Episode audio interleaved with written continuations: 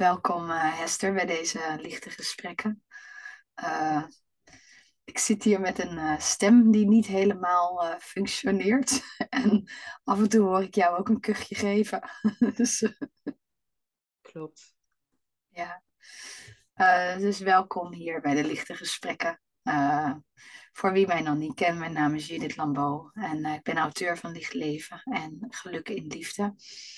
Vandaag gaan Hester Appelman en ik met elkaar in gesprek.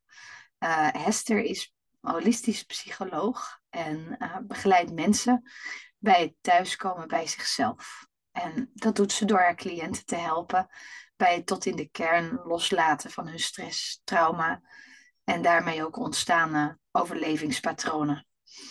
Tijdens ons voorgesprek heb ik Hester al even leren kennen als een gepassioneerde dame met zeer veel kennis op dit vlak.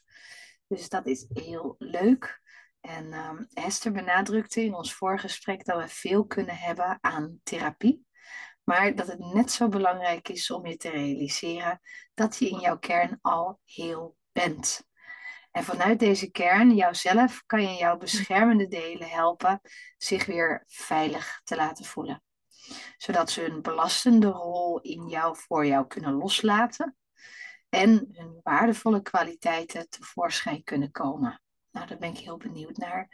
Dit noemen we dan ook ons zelfhelende vermogen.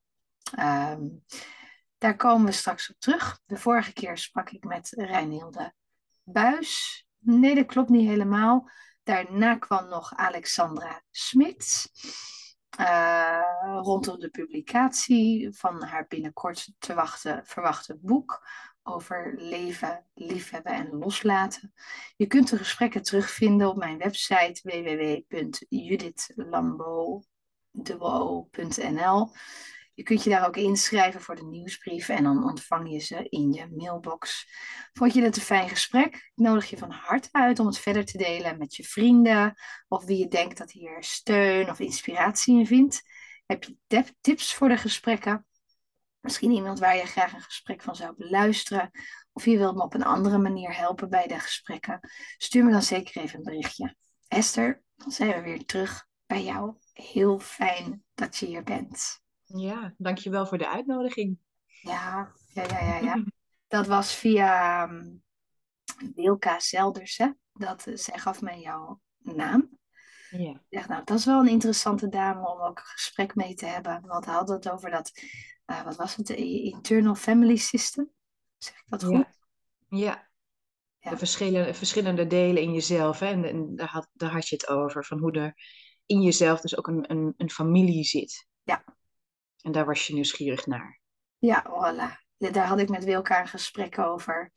Uh, dat voortkwam uit, uit onze relatie met onze vader, onze moeder. En wat we eventueel daar gemist hebben. Wat we ook niet, hè, we kunnen het verleden niet terug opnieuw overdoen.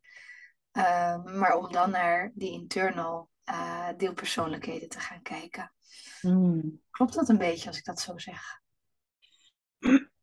Ja, dus, dus er zitten zo heel veel verschillende aspecten aan. Um, maar um, hoe ik het zie, dus een, een, methodiek waar ik dus inmiddels mee werk, is, um, dat heet Internal Family Systems, heet dat dus ik ben daar niet gecertificeerd voor, maar ik ben een geïnformeerd therapeut. Dus, dat is een, dus ik heb daar training in gevolgd, maar niet de officiële training waarmee je level 1 bent. Dus dat wil ik wel even gezegd hebben. Ja.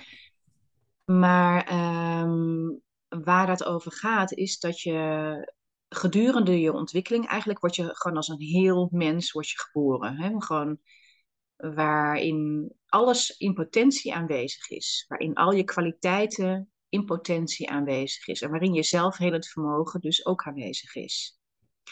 Maar um, ja, gedurende je leven kan er natuurlijk van alles gebeuren.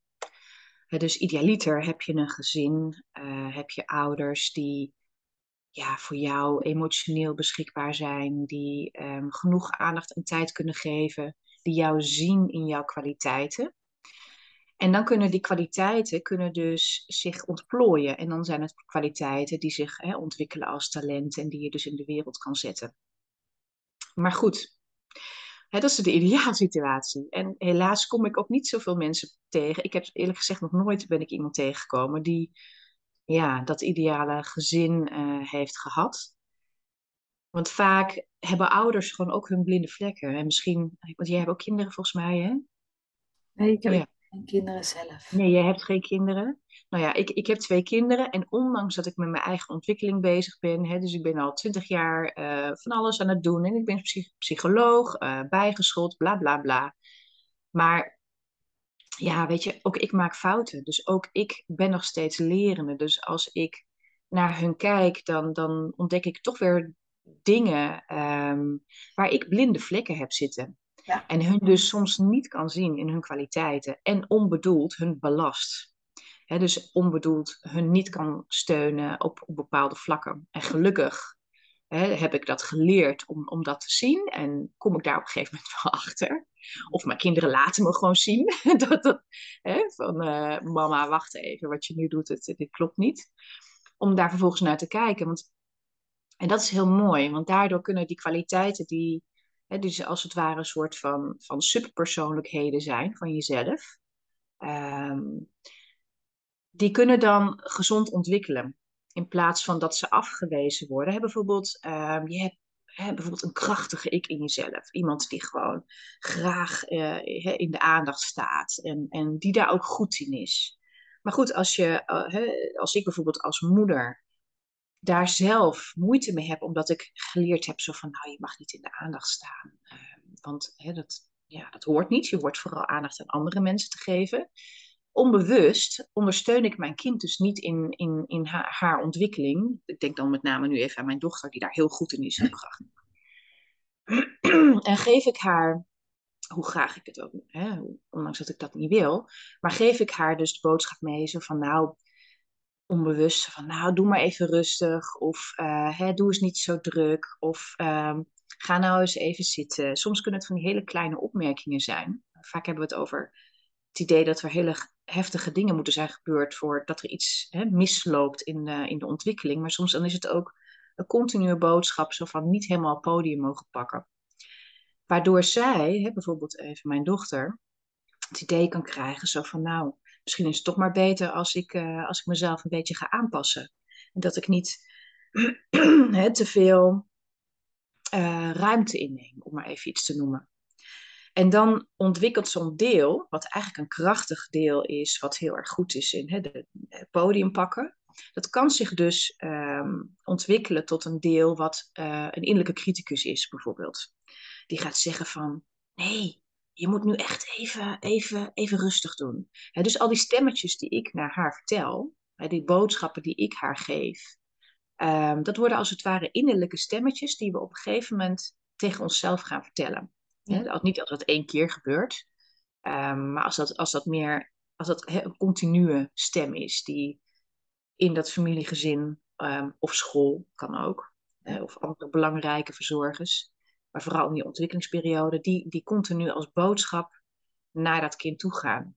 Ja. En dan gaat dat kind uit bescherming zichzelf dus uh, beperken.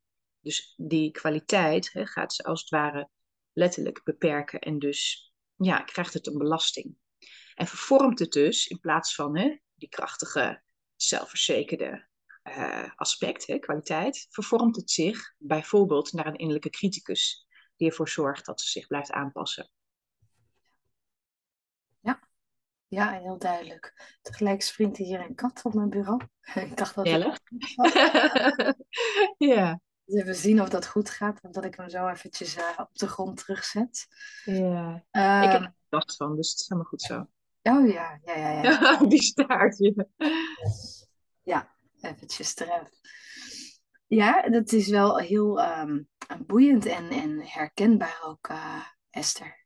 En het is niet inderdaad, ik zit net te denken, ik heb, ik heb geen kinderen, maar ik werk wel met kinderen. Dus, uh, en ik ga binnenkort ook starten als pedagogisch coach om uh, begeleiders die met kinderen werken te coachen. Mooi, ja.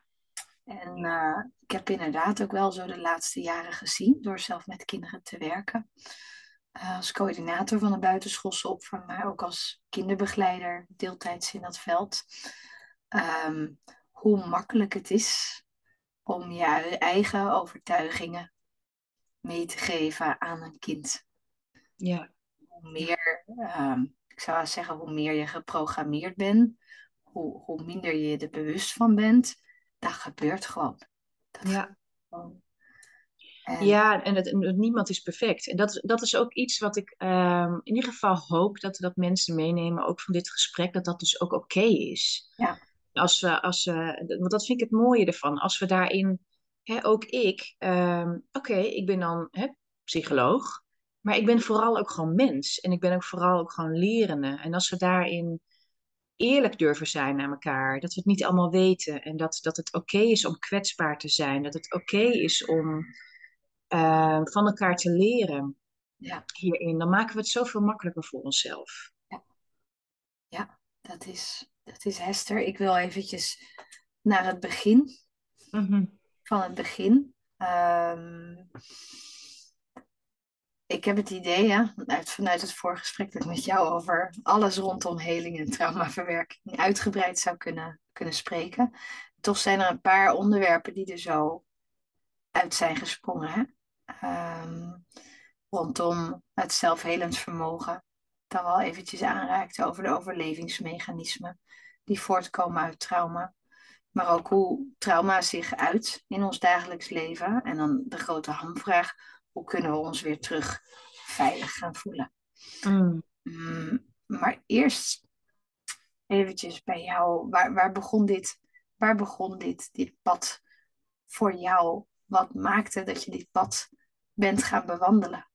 Ja, ja dat, nou, dat is wel een interessante, want het, ik ben eigenlijk de hele schoolperiode, um, ja, voor mijn gevoel niet echt heel erg aanwezig geweest. De, in de middelbare school, als je het hebt over ja, overlevingsmechanismen, mijn overlevingsmechanisme was um, vooral niet aanwezig zijn. Vooral het daar aanwezig zijn, een beetje meer zweven en, en, en ja, dissociëren noemen ze dat ook wel. Ja.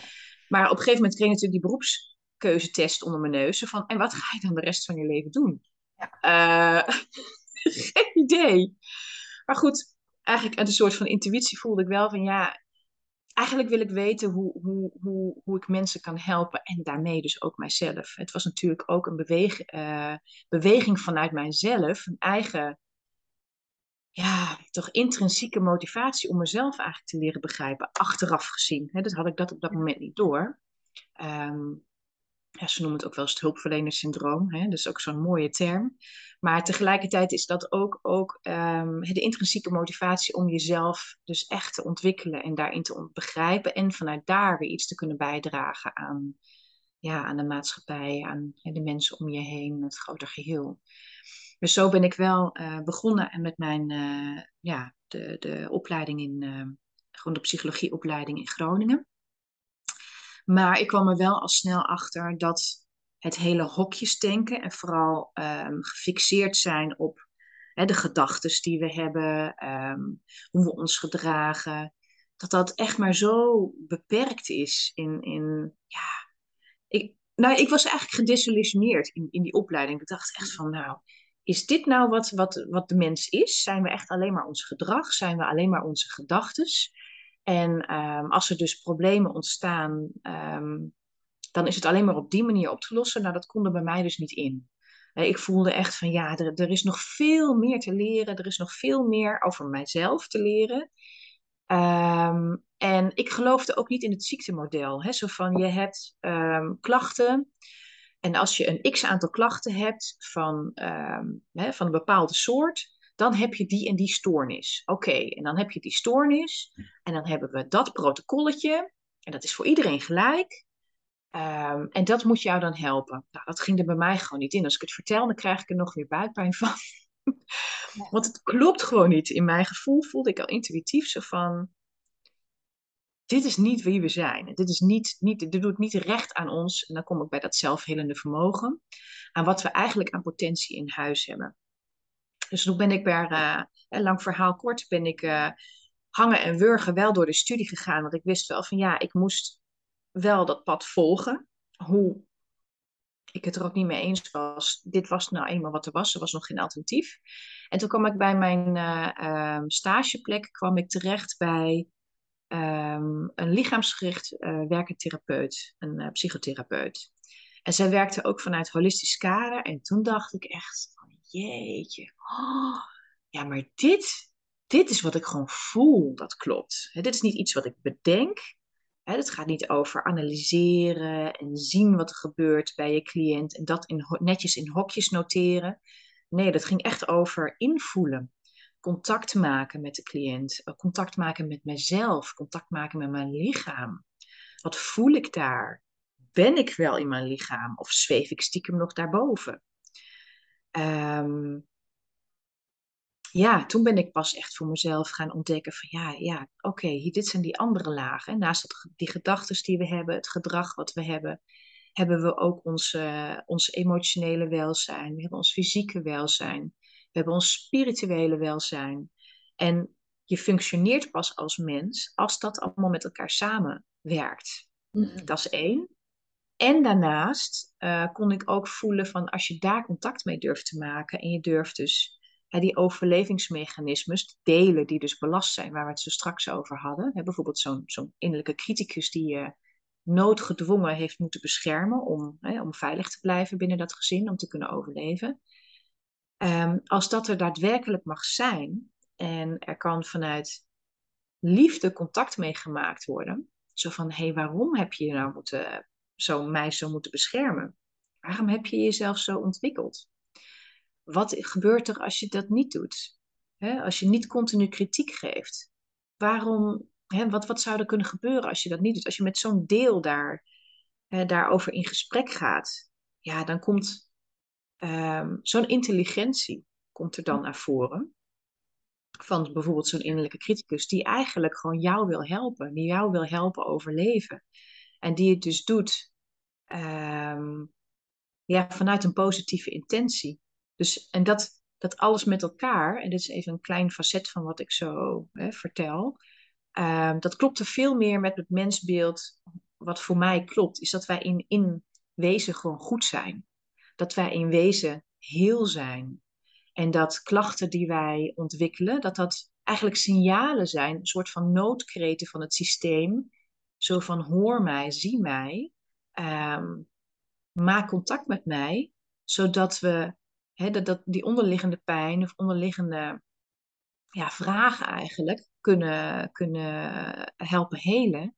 Hmm. En vervolgens kunnen verwerken en, en, en daadwerkelijk kunnen ontwikkelen. In plaats van ergens vast te moeten blijven zitten. En dat is zowel fysiek, maar ook als dus bijvoorbeeld klachten die zich fysiek manifesteren. Van bijvoorbeeld chronische schouderklachten hebben en ja, continu naar een fysio moeten gaan en toch elke keer hè, zet het zich weer vast. Ja. Waarom? Omdat hè, hier misschien een deel mee gelinkt is die voelt van ja, uh, ik moet krachtig zijn, dus uh, schouders eronder. En hè, dat manifesteert zich, heeft ook een fysiek component. En dat kan zich dus fysiek manifesteren als bijvoorbeeld een, een schouder die zich eigenlijk onbewust gewoon um, continu in die modus gaat van, van, hè, van, van overleven, van moeten vechten. Hmm. En, en, daarmee dus spieren dus ook, ook vastzet. Goh. Ja. En kan ik dan zover gaan, uh, Hester, dat zo'n zo'n overlevingsstrategie, uh, daar, daar kan je ook subpersoonlijkheid noemen, toch? Is dat hetzelfde? Ja, ja je kunt ze. we, zijn, we zijn eigenlijk, en dat is ook interessant, want um, vanuit de psychologie wordt gedacht van we hebben één persoonlijkheid. Ja. Terwijl ehm, iedereen weet wel dat als je bijvoorbeeld, uh, bijvoorbeeld een hobby hebt of, of iets, uh, je vindt iets heel leuk om te doen, dat je dan ineens een heel andere kwaliteit naar voren komt. Een hele creatieve uh, kwaliteit, die misschien wat meer speels is of dududud. Um, en, en dat dat weer heel anders is dan als je bijvoorbeeld met um, ja, met je partner bent of met, met een kind bent of iemand hebt die, die je lief hebt, uh, waar, je, waar je zorg voor verleent. Of, ja, dus, dus het, ja, ik noem ze, je kunt ze subpersoonlijkheden noemen, je kunt ze ook um, kwaliteiten noemen. Ja.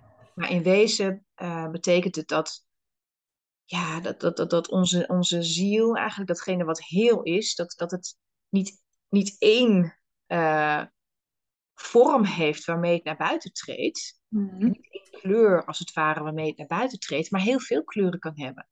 Hè, dus dus een, een, een, eh, ja, afhankelijk van, van de situatie waar je je in bevindt, zet je een bepaalde kwaliteit in. Zet je dus een bepaalde subpersoonlijkheid in. Als die niet belast is, kan dat op een hele hè, fijne manier zijn, die dus niet hè, continu ehm, gevoed wordt vanuit onveiligheid en stress geeft. Ja. Maar, maar ja, waar, waar, je gewoon blij van wordt. Hè? Wat, wat, wat je passie is, Mm. wat je talent is, wat je, ja, maar net hoe je het noemt. Mhm. Mhm. Maar wat je dus ook energie geeft. Omdat het is gewoon wie je is. Ja. Wie je bent. Ja. En, en dan zijn er dus, ehm, zoals jij het net uitlegde, be- bepaalde, zou je dat overtuigingen kunnen noemen? Bepaalde ideeën die je hebt meegekregen vanuit je opvoeding, vanuit je ouders, waardoor je je hebt ingeperkt of waardoor er een ehm, subpersoonlijkheid is ontstaan om jou te beschermen. Ehm, nee, die, die, die, die persoonlijkheid die is er al. Alleen hoe die zich uit naar buiten toe. En ook naar jezelf toe. Ja. Ehm, dat is bepaald door wat je meemaakt. Ja. Het zij door een, een, een subpersoonlijkheid kan belast worden. Eh, bijvoorbeeld een, vo- een voorbeeld van een cliënt van mij. Een man die ehm, een jaar of zes, zeven was. Was eh, zijn eigen mannelijkheid aan het ontdekken. Gewoon vanuit onschuld. Ehm, zo van, hé, hey, ik ben inderdaad anders dan meisjes. En hè, dus, dus op een gegeven moment liet hij zichzelf dus zien. Gewoon zo van, hé, hey, kijk mama wat ik heb ontdekt. Ehm, maar zijn moeder vond dat dus heel raar. Die vond dat een beetje ongemakkelijk. En ehm, ja, gaf eigenlijk de boodschap zo van, nou, eh, doe eens even snel, hè, bedek dat eens even snel. Hè, dat, dat hoort niet. Mhm. Dus wat hij, eh, zijn, zijn, zijn mannelijkheid, want dan hebben we het over, ook over een subpersoonlijkheid van wat ben je, wie ben jij als man? En datzelfde kunnen we natuurlijk ook denken als van wie ben jij als vrouw. Ehm, dus zijn, zijn subpersoonlijkheid van ik ben man, werd daarmee belast en kreeg eigenlijk de boodschap van je mag niet helemaal man zijn. Je, ook je seksualiteit en jezelf daarin ontdekken en daar kunnen van genieten en jezelf daarin laten zien vanuit onschuld. Dat mag niet. Dat is niet oké. Dat mag in deze maatschappij. Dat is de, de, de, de boodschappen die je gewoon als, als jongere krijgt. Hè, als kind krijgt van je, van je ouders. Dat is het wereldbeeld wat je vormt. Dus als zij iets zeggen van Ja. wat niet oké is. Dan kunnen wij als kind niet denken van oh. Nou, hè, mijn ouder die, die zegt dat nu wel. Maar ik weet dat er ook heel veel mensen zijn die het anders zien. Dus ik kan ook net doen alsof het niet is dat is niet zo. Hè? Want je ouders, dat waar je in opgegroeid bent, dat is gewoon letterlijk jouw wereld. En dat maak je dus daarom ook eigen. En dat heeft als functie dat je dus goed voorbereid bent op overleven in deze wereld. Hè, dus voor deze jongen ehm, was het dus, kreeg hij de boodschap mee, het is belangrijk om te overleven dat je je mannelijkheid eigenlijk niet laat zien. Dus je mannelijkheid bedekt. Ja. Met als gevolg dat hij ehm, in, zijn, in zijn leven dat deel van mannelijk zijn, dat hij het heel, dat hij, dat heeft zich verder ontwikkeld. En dat was natuurlijk niet één incident, het is wel een opstapeling geweest van meerdere dingen. Ehm, maar wel als, als gevolg dat hij eigenlijk ehm, zich in groepen met mannen bijvoorbeeld nooit senang voelde. Dat hij dat eigenlijk onbewust is gaan vermijden. En onbewust eh, meer vrouwelijke eh, vriendinnen, gewoon hè, maatjes is gaan zoeken. En ja, zich daar dus veiliger bij voelen. Mhm. En ook, nou ja, goed, het zijn een heel verhaal aan vast, maar goed. Maar het kan dus hè, bepalend zijn voor, voor de keuzes die je maakt. En op het moment dat, dat, dat zo'n deel dus herkend wordt, zo van hé, hey, wat, hè, dus dit, het, het niet mannelijk mogen zijn. ehm, en, het, en, en dat deel, je maakt daar contact mee. En je hoort dus het verhaal zo van ja, maar het is zo belangrijk dat ik tegen hem blijf zeggen dat hij, dat zich niet mag laten zien. Als zo'n deel, zo'n beschermer, zo'n subpersoonlijkheid, als die zich daadwerkelijk daarin gehoord voelt, dan kan die een stapje opzij doen. Hè, en dan kan die een stapje, dan kan die toestemming geven. En dan kun je daadwerkelijk het, het onderliggende pijnstuk, hè, dat innerlijke kind, in dit geval de jongen van 6, 7 jaar, kun je dus helpen om die pijn te verwerken. Want dat was toen te veel. En toen kon het niet verwerkt worden. Want het had gewoon geen hulp om het hè, te reguleren en uit zijn systeem uh, een plekje te geven. um, en dat kan dus alsnog. Dus er ja. zijn ook, uh, wat, wat daar wel dus heel erg belangrijk is, en dat is iets wat ik echt heb, zelf ook heb moeten leren. Want er zijn, zijn therapieën waarin je gelijk duikt eigenlijk naar het innerlijk kindstuk. Um, maar als zo'n beschermer daar dus niet in meegenomen wordt, en dat vind ik heel mooi, en die internal family systems, uh, wat ontwikkeld is, van, van, nou ja, één boek als je daar nieuwsgierig naar bent, te ja. kijken, is dat te zien. Ja, alle delen welkom van, uh, van uh, Richard uh, Swartz, die heeft het ontwikkeld. Maar dat, wat belangrijk daarbij is dat die beschermers dus niet alleen gehoord en gezien mogen worden, maar ze moeten ook meegenomen worden in het helingsproces. En dat, dat is zo logisch, want als, als je het innerlijk, innerlijk kindstuk heelt, zonder toestemming van zo'n beschermer, en die beseft niet van, oh, die pijn, dat pijnstuk is geheeld, dus ik hoef niet meer te beschermen. Ja, die blijft gewoon doorgaan. Hè? Want die is, die, is, die is dat gewoon gewend om dat zo te doen. Dus die blijft gewoon, ja, die, die, die, hè? of het nou een innerlijke criticus is, of het aanpassen en zich niet mogen laten zien. Um, die blijft dat dus in gedrag, in um, gedachten, blijft dat dus in stressniveau, hè? kunnen vechten, wat dan ook blijft dat dus aanvuren van nee, we moeten dit wel blijven doen, we moeten dit blijven doen. En daarom is het zo belangrijk om uh, ja, eerst, eerst contact te maken met die beschermende delen als een soort van poortwachters. Van is het oké? Waarom doe je dit? En, en, en krijg, krijg ik toestemming van jou om dus dat innerlijk kind te helen? Of dat pijnstuk of trauma, wat je, hè, hoe je het ook noemt. Ja. Ik zit even te denken. Gisteren uh, liep ik rond in huis denk dat de kat hier opgesloten in deze ruimte zat en dat hij naar buiten wil. Ik ga zo de deur open. Um, maar gisteren liep ik rond in huis en toen zei ik tegen, tegen Jozef. Um, ik zeg, het is net eigenlijk als ik, alsof ik altijd te weinig tijd heb.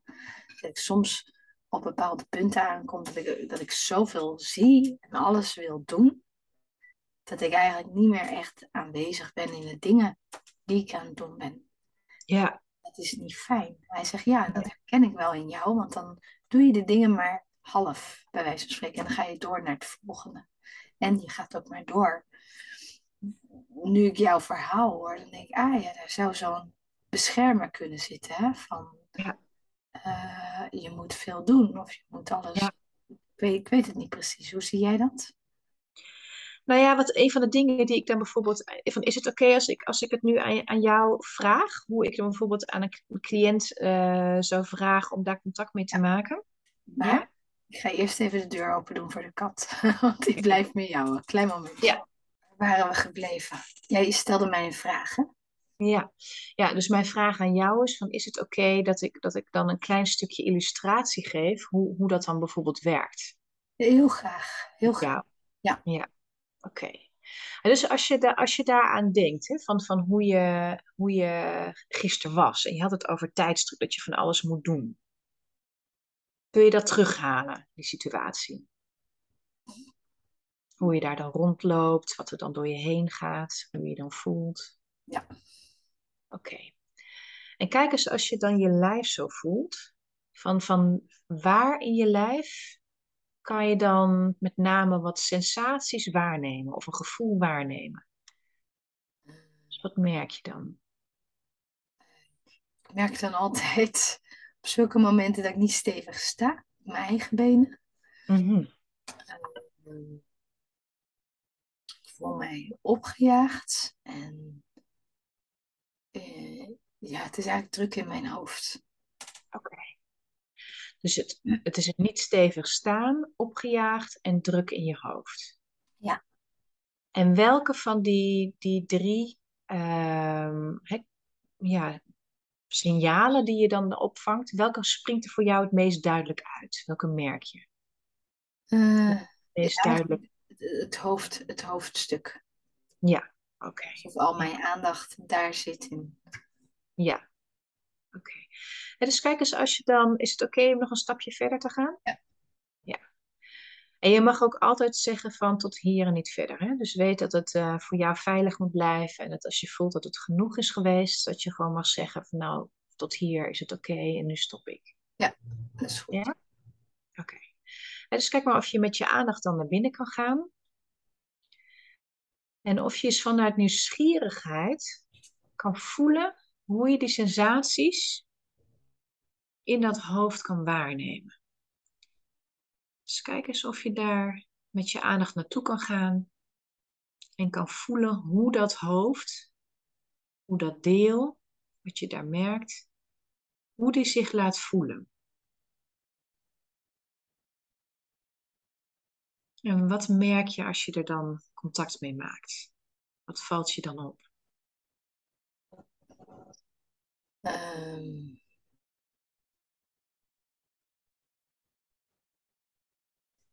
het is soms net alsof ik die gedachten hardop kan horen. Hè? Maar dat er uh, stemmetjes zitten die zeggen: pop, pop, pop, pop, pop, nog even dit en nog even dat en nog even zus en nog even zo. Ja. Zie ik Jozef daar bijvoorbeeld gewoon relaxed op de bank zitten. En, uh, of op de zetel in zijn Vlaams. Ja. Uh, nog even dit en nog even dat en nog even dat en nog even dat. En dan kan je rusten. Dan ja. heb je het goed gedaan. Alsof er ook een, een schuldgevoel op zit. Om niet alles perfect op orde te hebben. Oké. Okay. Ja. Dus er is een, een, een deel, met name in je hoofd, die heel druk is om alles goed te doen. Wat ik hoor. Ja. Dat het alles goed gaat. En je voelt een schuldgevoel. En zit dat schuldgevoel, zit dat ook in je hoofd of kan je die ergens anders waarnemen? Uh, um, goh, de aandacht verschuift nu eerder naar de hartstreek of zo. Oké, okay. ja. ja. Dus mijn vermoeden is, is dat dat dan een ander deel is. Mm. Dus het hoofd, wat heel erg probeert te managen. Ja. Probeert dingen goed te doen, zodat alles maar vlot loopt. Hè? Alles wat er maar moet gebeuren. En een schuldgevoel, een deel wat, wat, wat om wat voor reden dan ook zich schuldig voelt. Ja. Dus is het oké om te kijken wat, wat, ze, wat een van die twee wat ze wil vertellen op dit moment? Wat een van die delen wil vertellen. Ja. Ja? Oké. Okay. Dus gaan we kijken, want het hoofd dat liet zich als eerste zien. Ja. Hoe voel jij je ten opzichte van dit hoofd? Dus wat merk je? Um, dat ik me er af en toe door laat vangen. Ja.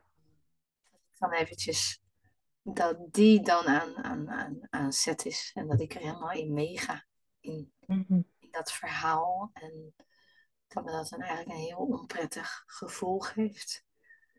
Toch is er dan iets in mij dat ook, dat ook meegaat, bij wijze van spreken, in die stem. Die zegt dat het goed is aan alles. Hè? Een beetje opgejaagd te zijn en al die dingen te doen. Ja, dus je merkt dat je erin meegaat. Ja. Ja, oké. En kijk eens, als je vanuit nieuwsgierigheid, kun je ook voelen dat je ook vanuit nieuwsgierigheid een kalmte daarna kan kijken, of is dat lastig? Ik ervaar het nog inderdaad als iets, iets eh, ik vind het niet fijn Ja. om daarmee te verbinden, om het zo maar te zeggen. Ja, precies.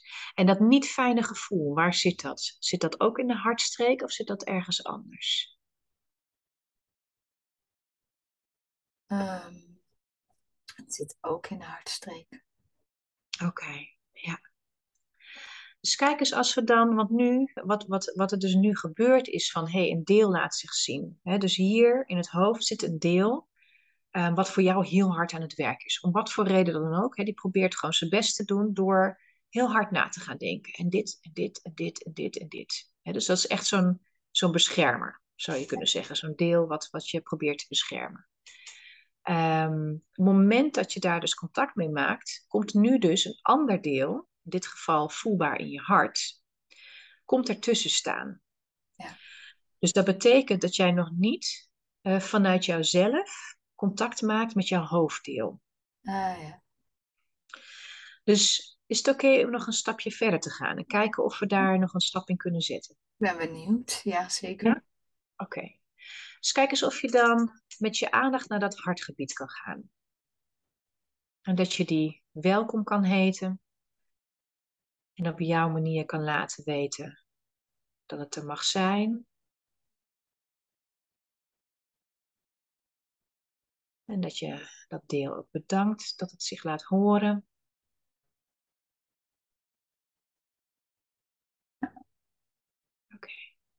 En kijk eens of je dit deel toestemming kan vragen om voor nu, al is het maar een minuutje, te ontspannen en een stapje opzij te doen, zodat jij kennis kan maken met dat deel in jouw hoofd. Dat dat voor jouw ontwikkeling hè, belangrijk is. Dat hier wat meer zicht op komt in samenwerking. Ja, dan merk ik inderdaad dat dat, dat, dat deel in mijn hart mij wil beschermen van die stem of dat stuk dat zich Ja. laat zien in het hoofd. Maar het is oké, die. Ja, durft hij een stapje opzij te doen en jou daarin te vertrouwen? Ja, Oké, super. Dus bedank het ook daarvoor, want daarmee geeft dit, dit deel in jouw hart, geeft jou ook daadwerkelijk een stukje vertrouwen. Dus kijken of je dat deel in je hart daarvoor kan bedanken. Hmm.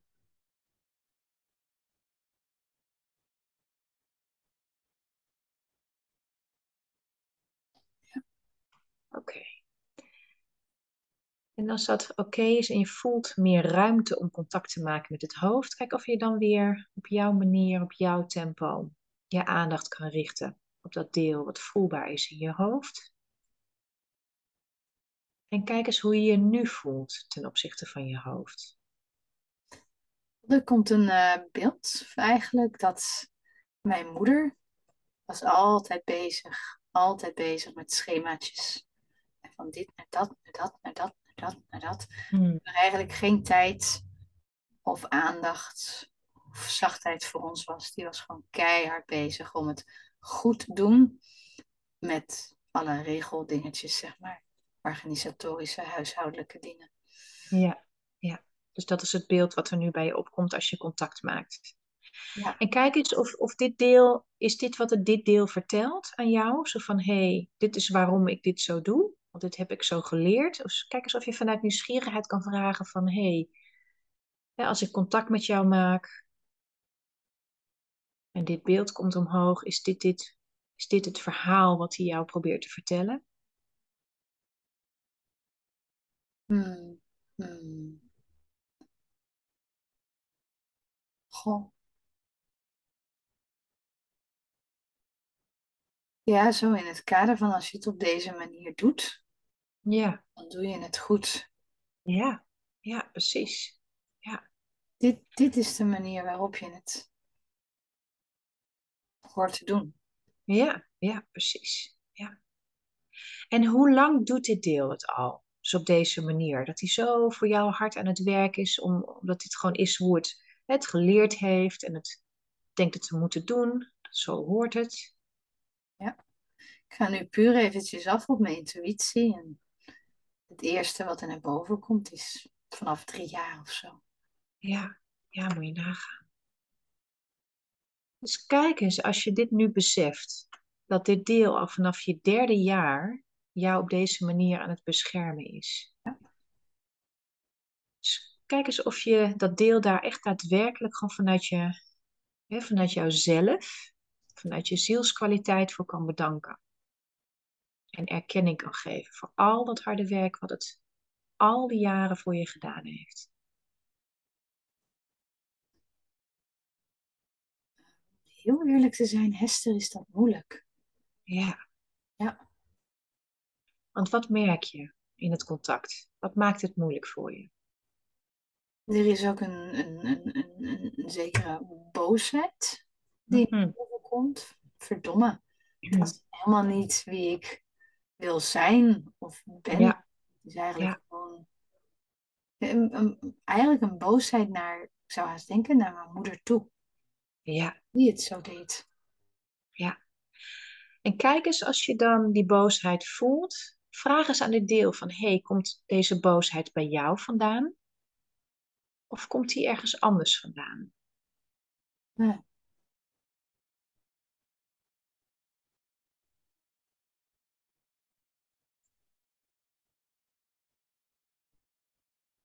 Apart. Apart. Ehm, ik zou denken dat het bij mij vandaan komt, maar misschien is dat niet. Mhm.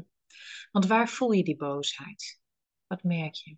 Nou, ik zie hem nu eigenlijk als een soort van donkere wind of zo langs me heen razen. Hmm. Dan in een kolk samengaan, maar eigenlijk buiten, langs mijn lichaam, buiten mij. Ja, ja, precies. Ja. Oké. Ja. En kijk eens of je die boosheid ook erkenning kan geven, want mijn vermoeden is, is dat dat ook nog weer een deel is, weer een ander deel is, wat zich op dit moment laat zien. Ja. Dus kijk eens als je dat, eh, dat deel, hè, wat, wat, wat boos voelt, wat zich om je heen beweegt, of je die net zoals dat je dat bij dat hartgebied hebt gedaan, ook kan bedanken. Dat het zich laat zien. Dat het welkom is. Ja. Maar ook of die voor nu, al is het ook maar weer voor een minuut, kan ontspannen, zodat jij weer opnieuw contact kan maken met ja. het hoofddeel. Ja. Oké. Dus als je dan weer contact maakt met het deel wat voelbaar is in je hoofd. Weet dit deel hoe oud jij bent? Op dit moment bedoel ik dan. Nee, ik geloof het niet. Nee. Dat draait gewoon zijn programmaatje of zo. Precies, precies. Ja, dat is gewoon hoe het hoort. Dat is, dat is hè, wat het geleerd heeft. Dus dat doe ik. Het maakt daarin niet uit. Dit is hoe het is. Ja.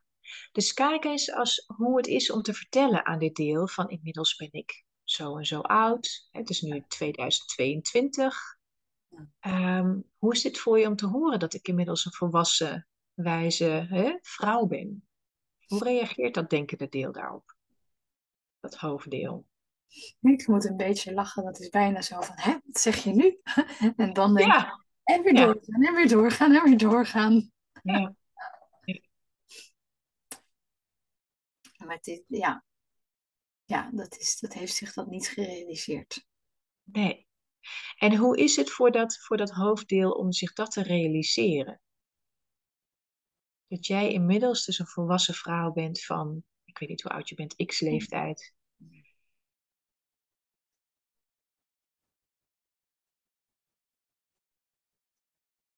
Het is eh, net of dat deel heel, heel hardnekkig ehm, wil blijven doen wat het deed.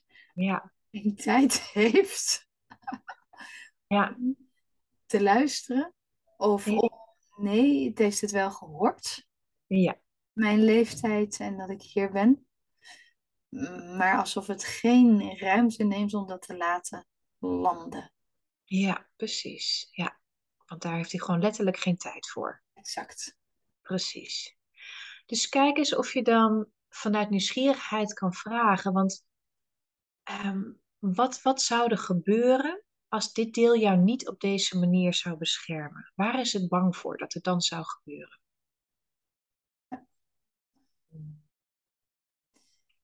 Ja, dat er dan dus niks gebeurt. En dat het dan Mm. niet goed gaat met mij. Ja, Dat mijn En- leven dan niet vooruit gaat of beweegt. Of uit Ja. elkaar valt zelfs. ah, dus het hele leven uit jouw leven valt dan uit elkaar. Dat is waar die bang voor is. Ja, om, omdat dit een soort van... Op deze manier houden we controle over het leven. Ja, ja, precies. Ja. Hoe is dat voor jou om te horen? Voor jou en Judith, voor jouzelf. Nou, het is, het is, het is heel vermoeiend, eh, dit deel, als ik me daar, als ik me daarmee vereenzelvig, als ik daarin meega. Mhm.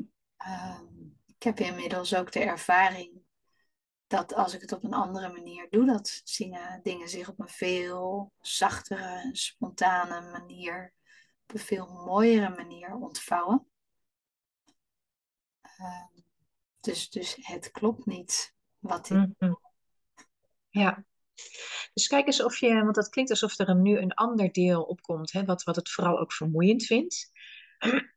en wat ook denkt van ja, dit moet gewoon anders kunnen. Dus het kan een analyserend deel zijn, kan een denkend deel zijn, weet het niet. Maar kijk ook of je dit deel weer kan vragen.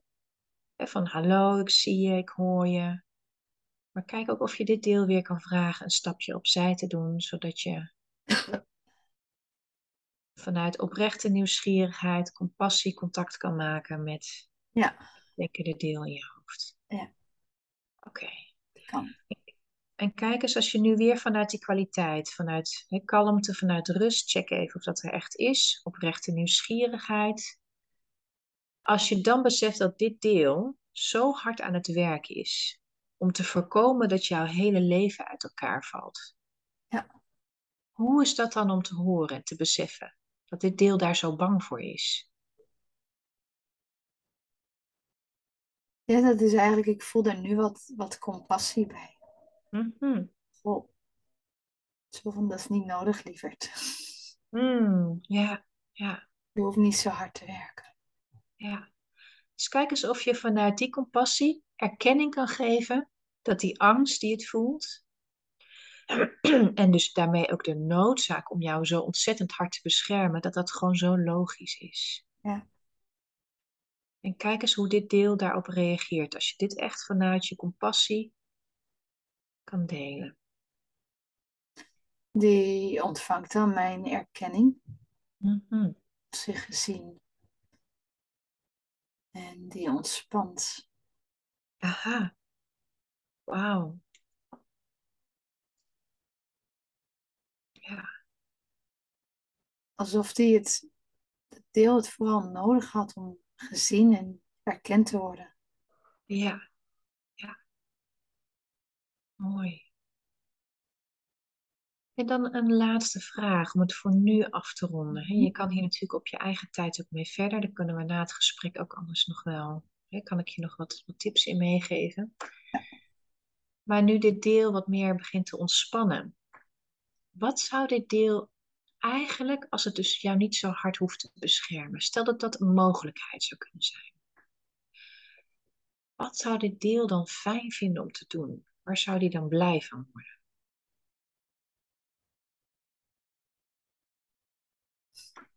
Ja, ik. Spelen. Mhm. Spelen, want dat heeft het nooit gedaan. Daar heeft het zich nooit de tijd voor gegund. Hmm.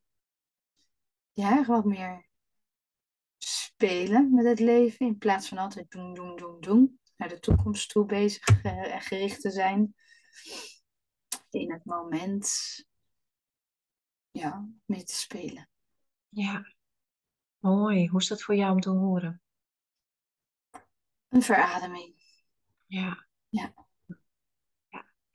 En dit is dus de eigenlijke kwaliteit van dat deel. Dus eigenlijk wil het gewoon spelen, maar noodgedwongen heeft het je moeten beschermen door het te doen wat hoort en daar heel erg zijn best voor te doen.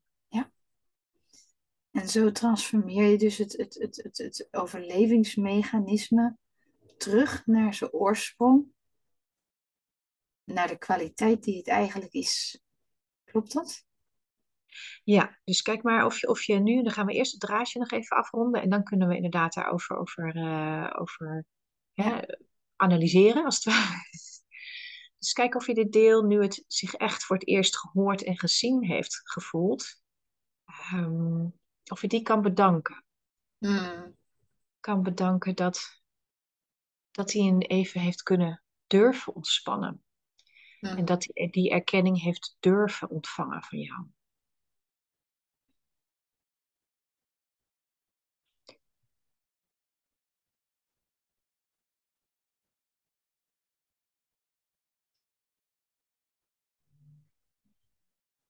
En misschien is het tot slot nog fijn om af te spreken met dit deel van we gaan het voor nu afronden. Ja, gezien de tijd en ook dat je hier natuurlijk gewoon een interview ook aan het doen bent. Al is dit natuurlijk een hele mooie illustratie hoe dit werkt. Mhm. Maar dat je op een later tijdstip eh, bij dit deel terugkomt. Om te kijken hoe het dan met dit deel is en wat het ook nodig heeft. Zodat dit deel ook weer kan gaan spelen. Mooi, heel fijn. Ja. Oké, en bedankt tot slot ook alle andere delen die zich hebben laten zien en ook jouw vertrouwen hebben gegeven door een stapje opzij te doen. Ja. En als je dat gedaan hebt, mag je weer naar het hier en nu komen. Op je stoel. Mooi, heel fijn, Hester. Ja. Ehm, ik ken het een beetje vanuit uh, de hypnotherapie en de, de voice dialogue vanuit mijn uh, studie psychodynamica. Mm Maar uh, ja, je bent eigenlijk aan het onderhandelen. Het is niet eens onderhandelen eigenlijk, maar erkenning geven aan dat wat niet erkend ja. in jou is geweest. Ja, ja, ja. Ja, en wat dus mooi is, op het moment dat het je dus lukt om, om onderscheid te maken, dus wat is dus een overlevingsmechanisme? En wat is dus zo'n beschermer? Um, hoe kan ik daar erkenning aan geven vanuit mijzelf, daar waar ik heel ben, hè, mijn, of je het nou mijn ziel noemt, of je kern, of, hè, maar dat daar waar gewoon echt je, je compassie, waar je liefde zit, waar hè, alles zit wat, wat, wat, wat, wat, ja, wat we graag zo continu willen voelen eigenlijk. Um, maar hè, dus, dus, dus door op deze manier naar te kijken, dan begint er dus, begint er dus die verwevenheid die eigenlijk vanuit bescherming dus is ontstaan. Zo'n beschermer die is als het ware er helemaal overheen gegaan of er doorheen gegaan. Dus er is bijna geen onderscheid meer tussen wie ben ik nou in mijn kern en, en, en, en wat is een beschermer. En op deze manier kun je dat dus gaan verkennen. En dan kun je dus zo'n beschermer een eigen plek gaan geven. En ook gaan voelen van, hé, hey, maar ik... Ja, want het was zo mooi, op het moment dat, dat ik, ik weet niet meer... Maar dat je echt op een gegeven moment zo'n omslag voelde. Van, hé, hey, ja, nu kan ik voor het eerst compassie voelen voor dat denkende deel. Toen, dat was echt zo, hé, hey, ja. Dus dat is voor mij echt een signaal van, oké, nu zit je in jouzelf. Ja. Want in jouzelf, daar waar jij heel bent, heb jij niks nodig van dat andere deel. Mhm. Dus met andere woorden, kan je zonder oordeel kijken en vanuit compassie en liefde kijken naar dit deel. En andersom, ehm, kijken wat het nodig heeft van jou. Mhm. En dan komt dat zelfhelende vermogen op gang.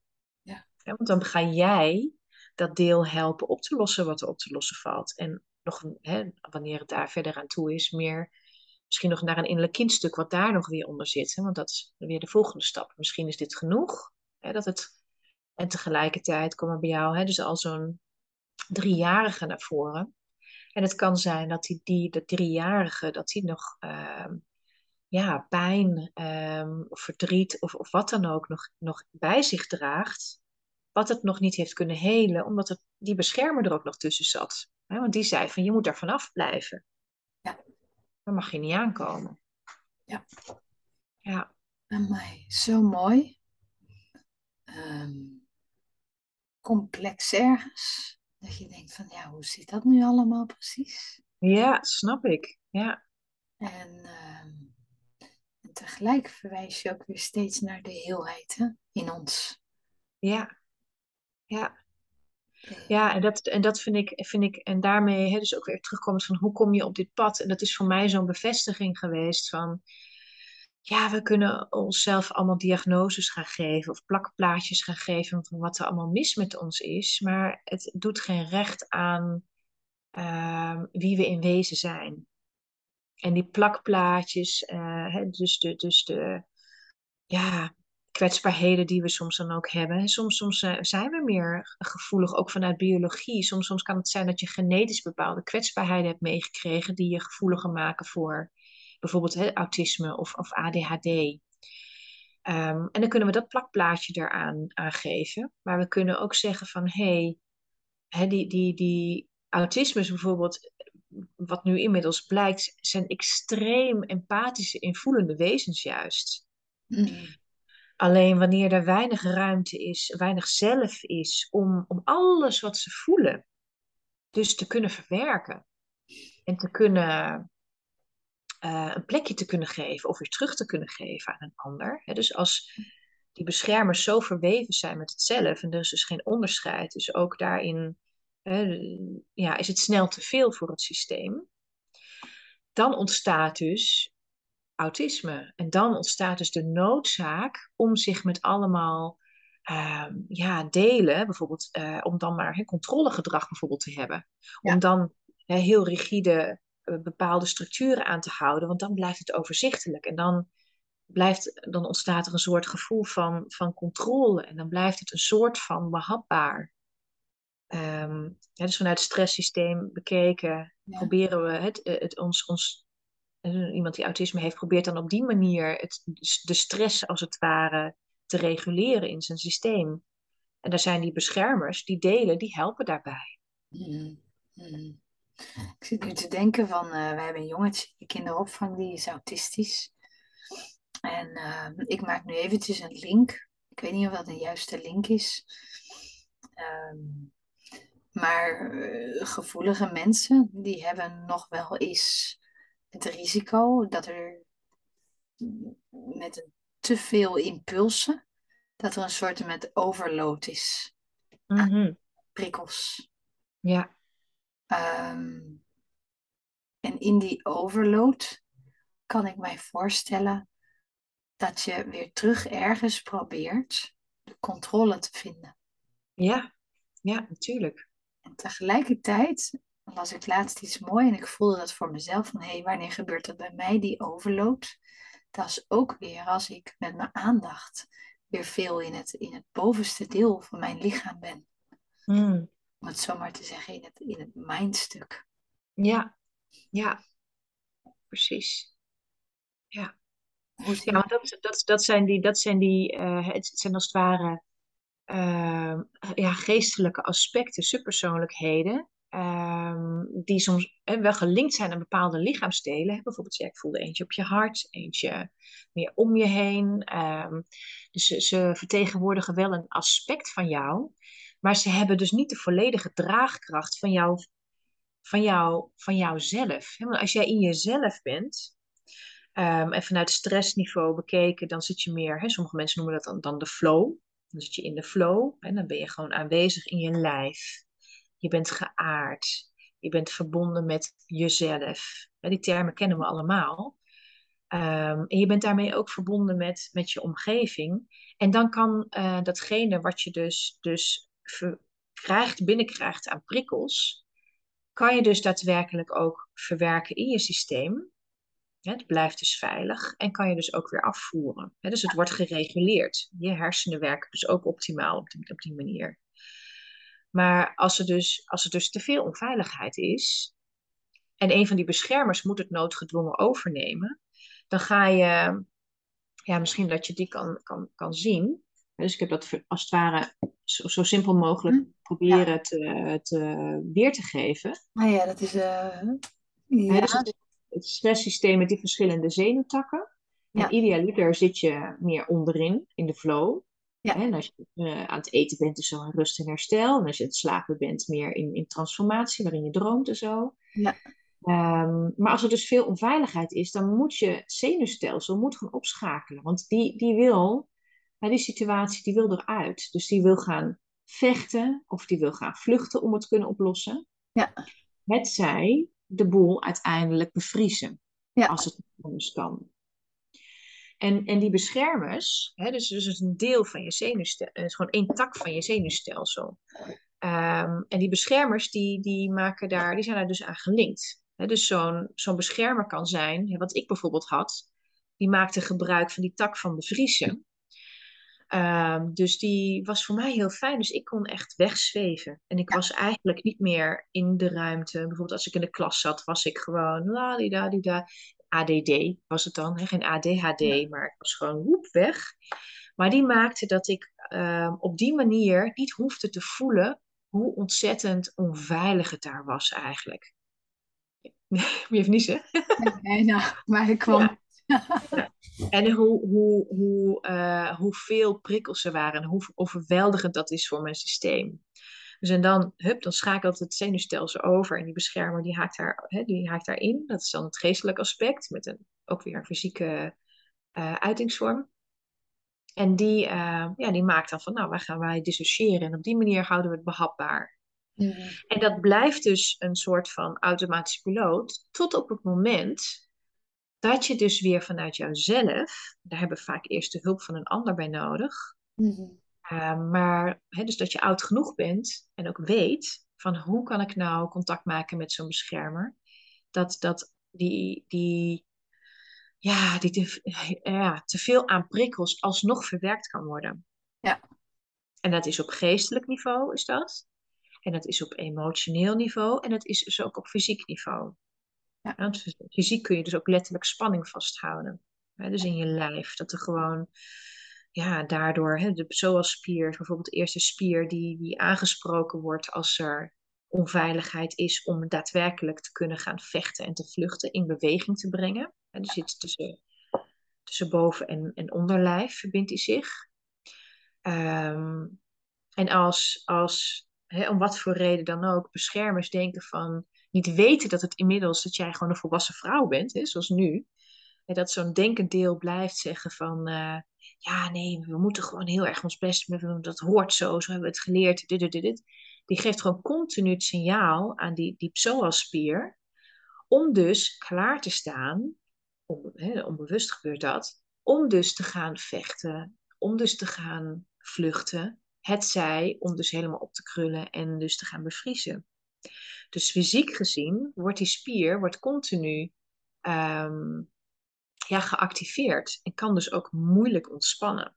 Wat dus ook weer allerlei klachten kan veroorzaken. Dus bijvoorbeeld, uh, uh, hij is als eerste aangelinkt aan je, aan je middenrif. En zo gaat hij mm, de wervels naar beneden, vijf aan de ene kant, vijf aan de andere kant um, het dwars door je bekken heen naar beneden. Um, maar als die spier dus heel erg chronisch is aangespannen, het wordt als het ware een blok gewoon in je lijf. Ja, dan kun je misschien wel merken dat je, als je ademhalingsoefeningen doet, dan is het bijvoorbeeld heel moeilijk om adem te halen, omdat dat middenrif als het ware op die, die, hè, die, die, die psoaspier stut en die gewoon niet mee wil geven. Die wil niet dit doen, maar die, die blijft gewoon staan, want die blijft gewoon chronisch aangespannen. Want dat moet zo, dat hoort zo, hè, want wij moeten jou beschermen. Dus die krijgt het signaal om te, geactiveerd te blijven. En ehm, ja, dat kan allemaal klachten veroorzaken, zoals ademhalingsproblemen, het zij spanningsklachten in je lijf, of rugklachten, of, of noem het maar op. Vanuit de aanspanning in de psoasspier. Ja, ja. Oké. Ik, ik hoorde er het laatste jaar, komt dat zo steeds vaker in beeld, heb ik het gevoel. Uh, toch voor mij, rondom de psoasspier. Ja. Ja. En mij te herinneren dat wij daar in het voorgesprek ook even over gesproken hebben. Ik heb uh, ja. jaren obstipatie gehad. Het lukte mij niet om goed naar, naar de wc te gaan. Tussen mijn 17e en mijn 27e, denk ik. Tot eigenlijk mijn burn-out vanaf daar is het los gaan komen. Hmm. En daarvoor kan ik zeggen, als ik nu kijk naar dat plaatje wat jij me liet zien, dat ik ook bevroren was. Mhm. Met die burn-out is, is dat deurtje naar die andere lagen gewoon geïmplodeerd. Als het ja. ja, precies. En vanaf daar ben ik stap voor stap gaan ontdekken en gaan voelen in mijn lichaam dat ik altijd spanning had in het onderste deel van mijn lijf, waardoor ik de aandrang niet voelde. Waardoor dat laatste stukje van het stoelgangkanaal eigenlijk afgesloten was. Ja, ja. En ik weet nog dat ik in Amsterdam bij een marktkraampje stond. En ik was er eindelijk doorheen. En ik had eindelijk begrip over ja, hoe ik ermee om kon gaan. Maar ook hoe ik die spier kon ontspannen. Uh, en toen stond er een vrouw naast me en die zei tegen die marktkoopman: Heeft u iets tegen obstipatie? En toen zei hij: Ja, deze nootjes. en toen dacht ik aan mij: er, zit soms veel meer mee. ja, ja, ja. ja. Ja, dus in die zin is het, is het systeem, is, is, ik vind het zo geniaal hoe, hoe, hoe dat hele systeem in elkaar zit. Want het is dus, ja, noodgedwongen heeft jouw lichaam dus geleerd van, ik, ik moet dus bevriezen, ik moet de boel dus, hè, dus gevoelloos maken. Dus het zenuwstelsel, die, die, die uh, bevriezingstak noem ik hem maar even, die loopt ook via je rug, loopt die naar, hè, dus naar, met name naar je buik. En die zegt dan ook poef, we schakelen het uit. We willen niet meer voelen, want dat is veiliger. Ja. Um, en, en dat, dat geeft dus allerlei klachten. En tegelijkertijd um, ja, hebben we dus de mogelijkheid, als we dat gaan herkennen, om daar dus mee te gaan werken en te gaan, gaan met zo'n beschermer zeggen van hé, hey, waarom, waarom heb je je zo moeten bevriezen? Wat, wat heb je, wat, waar ben je bang voor wat er gebeurt als je het niet doet? Dus dat is één manier. En het andere is, is met die psoasspier ook, van als je op, fysiek niveau hebben we dus ook een zelfhelend vermogen. Want ik heb, dus, dus met de IFS is meer ja, het geestelijke, zou je kunnen zeggen. Um, het geestelijke zelfhelende vermogen, of spirituele zelfhelende vermogen, zou je kunnen zeggen. Maar die psoasspier, die heeft ook een zelfhelend vermogen. En die kun je dus ook inzetten. Ja. En dat ziet eruit als... Uh, uh, dat dieren in het wild bijvoorbeeld, als er, als er heel veel spanning is geweest, er is heel veel onveiligheid geweest, um, en die spier heeft zich noodgedwongen, heeft zich uh, moeten, heel erg moeten aanspannen en de rest van het lijf doet daar natuurlijk in mee. Maar op het moment dat het dus ontsnapt is, het gevaar is geweken, dan kan die spier kan dus ook weer loslaten. En dan kan die dat doen door middel van trillingen. En wat dan gebeurt, is dat dus vanuit het centraal zenuwstelsel wordt dat aangevuurd. Wordt dus dat die, die, die spanning letterlijk wordt losgetrild uit dat lijf. Ja. Dus, en dat begint dan rondom die psoaspier. En dan kan dat, hè, dus de rest van je lijf kan het ook doorgaan. En bijvoorbeeld ook als hier ook dit gedaan is, kan het daar dus ook op een gegeven moment los gaan trillen. En dat is een hele, uh, je kan je dat dus weer eigen maken dus, dus wat ik doe met bijvoorbeeld cliënten is, um, zijn bepaalde oefeningen waarmee je dus zelf die trillingen dus weer gaat opwekken. Mm. Maar dat doen we dus ook altijd in respect, ehm, in samenwerking met die beschermers die daar nog tussen zitten. Die zeggen van ja, nee, we moeten spanning vasthouden, want anders hè, is, het, is het onveilig en dan hè, gebeurt er dit en dit, of hè, wat ze dan ook denken, waar ze bang voor zijn. Maar zodra die beschermers zich gehoord en gezien voelen en ook een stapje opzij doen, het zenuwstelsel kan weer naar beneden schakelen, schakelen naar rust en herstel. Dan kan die psoas dus ook ruimte krijgen om die fysieke spanning ook los te laten. Te beginnen in dat bekken. En vervolgens eventueel hè, dus de, in de rest van het lijf. Zodat ook daar hè, chronische klachten die zijn ontstaan. Bijvoorbeeld vastzittende schouders of een vastzittende nek. Of een rug die gewoon eh, misschien zelfs een hernia heeft ontwikkeld, omdat daar gewoon hè, de boel vastgezet is. Of bijvoorbeeld hè, de obstipatie, of ah, noem het maar, uh, beenlengteverschil van een psoas aan de ene kant meer dit dan dat. Dat kan zich dan ook gaan oplossen. En dat uh, ja, is, is heel mooi om dat samen, samen te, te brengen. Dus dat geestelijke zelfhelende vermogen en tegelijkertijd ook dat zelfhelende vermogen van het lichaam, wat daar dus weer letterlijk bedding aan geeft. En, en hoe dat, uh, ja, als dat met elkaar samenwerkt, is superkrachtig. Dan kun je echt in een, in een, in een korte tijd, kun je zo, ja, zoveel tot in de kern, hè, want zo begonnen we ook, tot in de kern loslaten van, van wat je allemaal hebt vastgehouden in je systeem. Ja. Niet alleen op fysiek niveau, maar ook op emotioneel niveau en ook op geestelijk of zelfs spiritueel niveau. Ja, ik zie, ik zie, ik zie de combinatie ook van uh, dat lichamelijk, het lichamelijk kunnen ontspannen. Mhm. En het, het, het, het, het integreren, kan ik het zo noemen, het integreren van de subpersoonlijkheden. Uh, ja, mooi. Ik vind dat heel mooi. Um, was nog even een vraagje die ik hier had. Een, zeker een praktische vraag van hoe, hoe herkennen we nu trauma in ons leven? Of hoe herkennen we die uh, bevroren uh, of andere overlevingsmechanismen? Ja, dat is, is een mooie vraag. Maar er zijn. Um... Nou, waar het mee begint, is, is, is er oprecht vanuit jouzelf dus contact mee maken. dus dat leren, zo van, hé, hey, ehm, dus wat voel ik in mijn lijf? wat ik jou ook hoor zeggen, pas op het moment dat ik ben gaan voelen in mijn lijf, en het is, voor mij is dat ook zo gegaan. dus ik heb een burn-out gehad en toen ben ik noodgedwongen, ben ik ook gaan voelen in mijn lijf, omdat ik, ja, mijn andere overlevingsmechanismes werkten niet meer. en met de cognitieve therapie en de, de mindfulness en bla bla wat ik allemaal had, dat werkte allemaal niet meer. Dus ik moest, moest, moest gaan voelen in mijn lijf van wat gebeurt er nou eigenlijk? En wat wil mijn lijf me dus gaan wat wil mijn lijf vertellen en wat heeft mijn lijf nodig?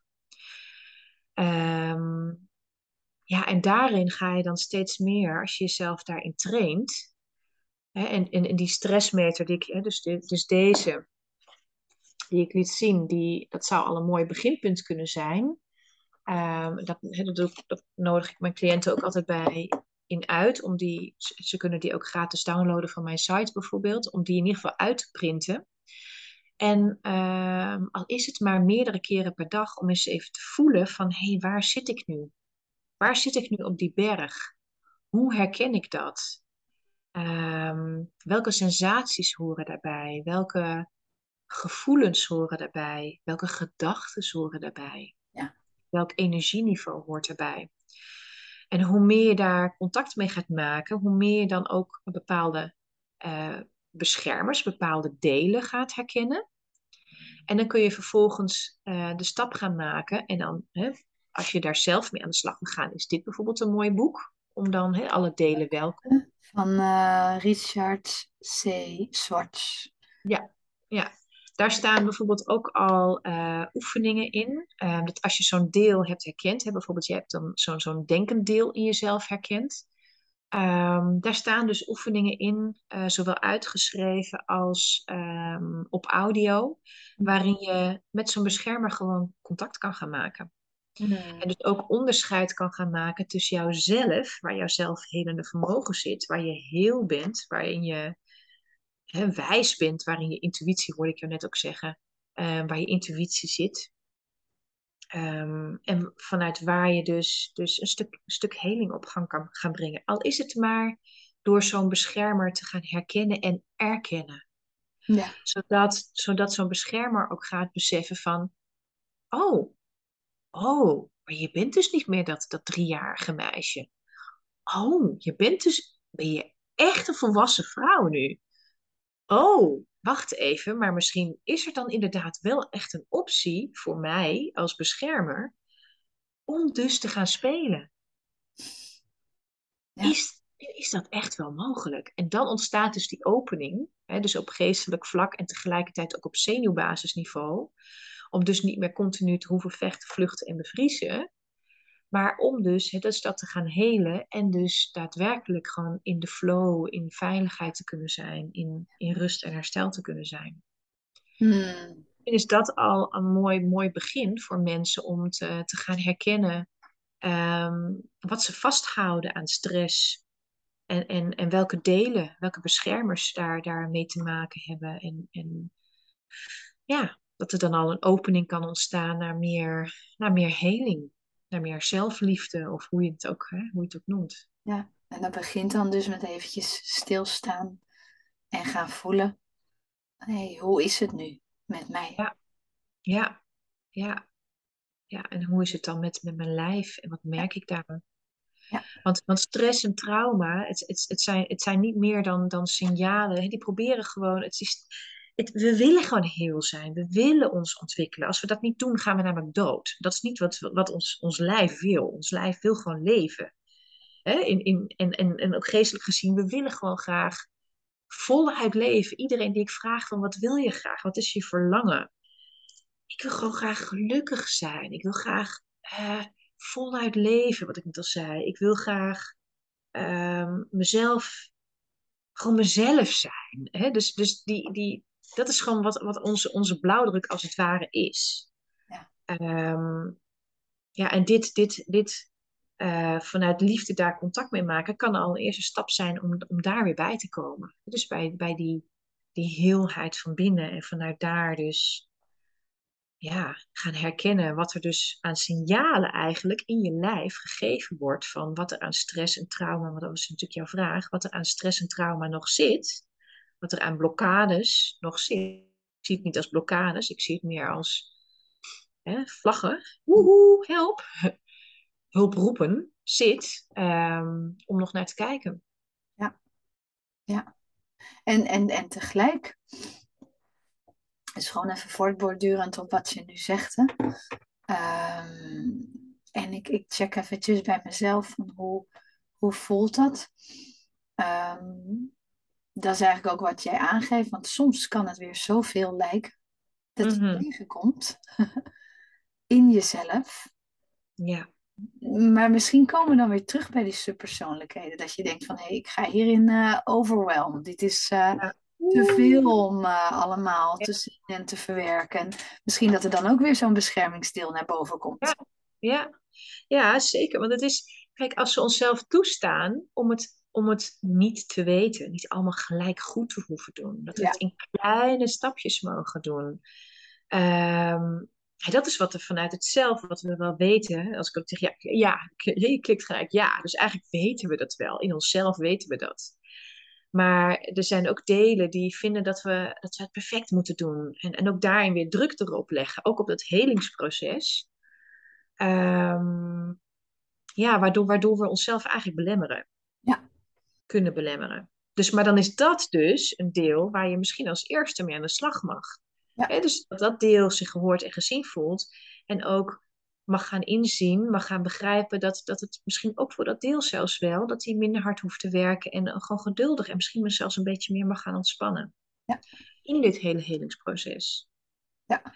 En, en, dat, en dat is één ding. En het andere is, um, soms zitten er nog, nog, nog echt flinke trauma's in het lijf. Die al pratende, hè, wij zijn natuurlijk dingen aan het uitwisselen en de luisteraars die luisteren, mogelijk worden geraakt in onderliggende kindstukken, pijnstukken, trauma's, hoe je ze ook noemt. Um, en onbewust kan dat ook maken dat, um, dat er gevoeld wordt van, oh, maar wacht even. Nu gaan we naar, naar een stuk toe. Ik weet dat daar een stuk zit wat, wat zo niet fijn is om te voelen. Ja, maar dat is misschien ook wel te veel om, om te voelen. En misschien is dat ook, kan ik dat ook niet. Mm. En, dat, hè, en dat is natuurlijk ook wat, wat een trauma is. Dat is de ervaring van te veel. Dat is de ervaring van ehm, het niet kunnen. Mm. Dat is gewoon wat, wat trauma is. Dus het kan ook een signaal zijn van er zit dus nog hè, bepaalde traumastukken. Um, ja, en, en is het dan oké om daar wel hulp bij te vragen? En dat dat ook mag. Mm. En dat is de andere kant daarvan. We hoeven niet alles alleen te doen. Hè? Ja. Ehm, dus ook hulpvragen daarin is, is ook soms een stap naar heling. Want Esther, in dat schema van die stressmeter, daar stond ook in die piramide hulpvragen.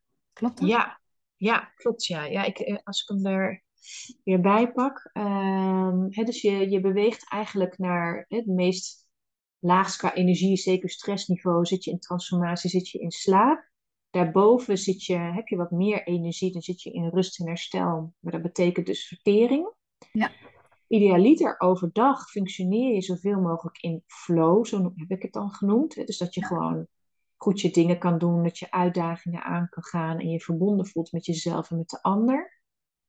Ja. Maar mocht er dus een uitdaging zijn die, uh, die je niet aan kunt, dan heb je um, idealiter ook weer geleerd dat het oké is om hulp te vragen. Ja.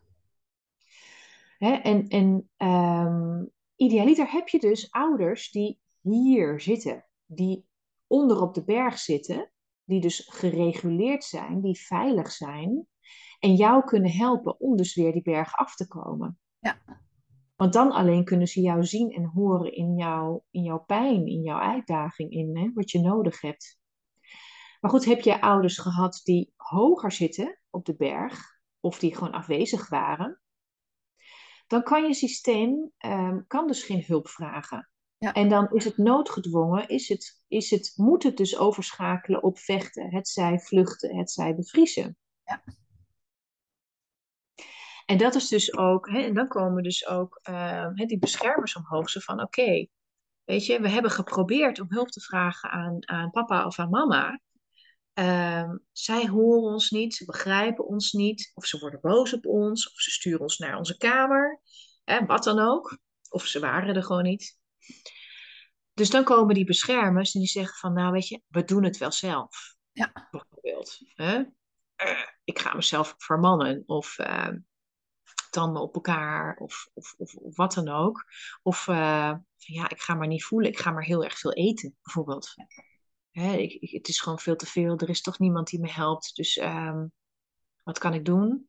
Eten, eten, eten en dan hoef ik het even niet te voelen. En op die manier wordt het dan gemanaged.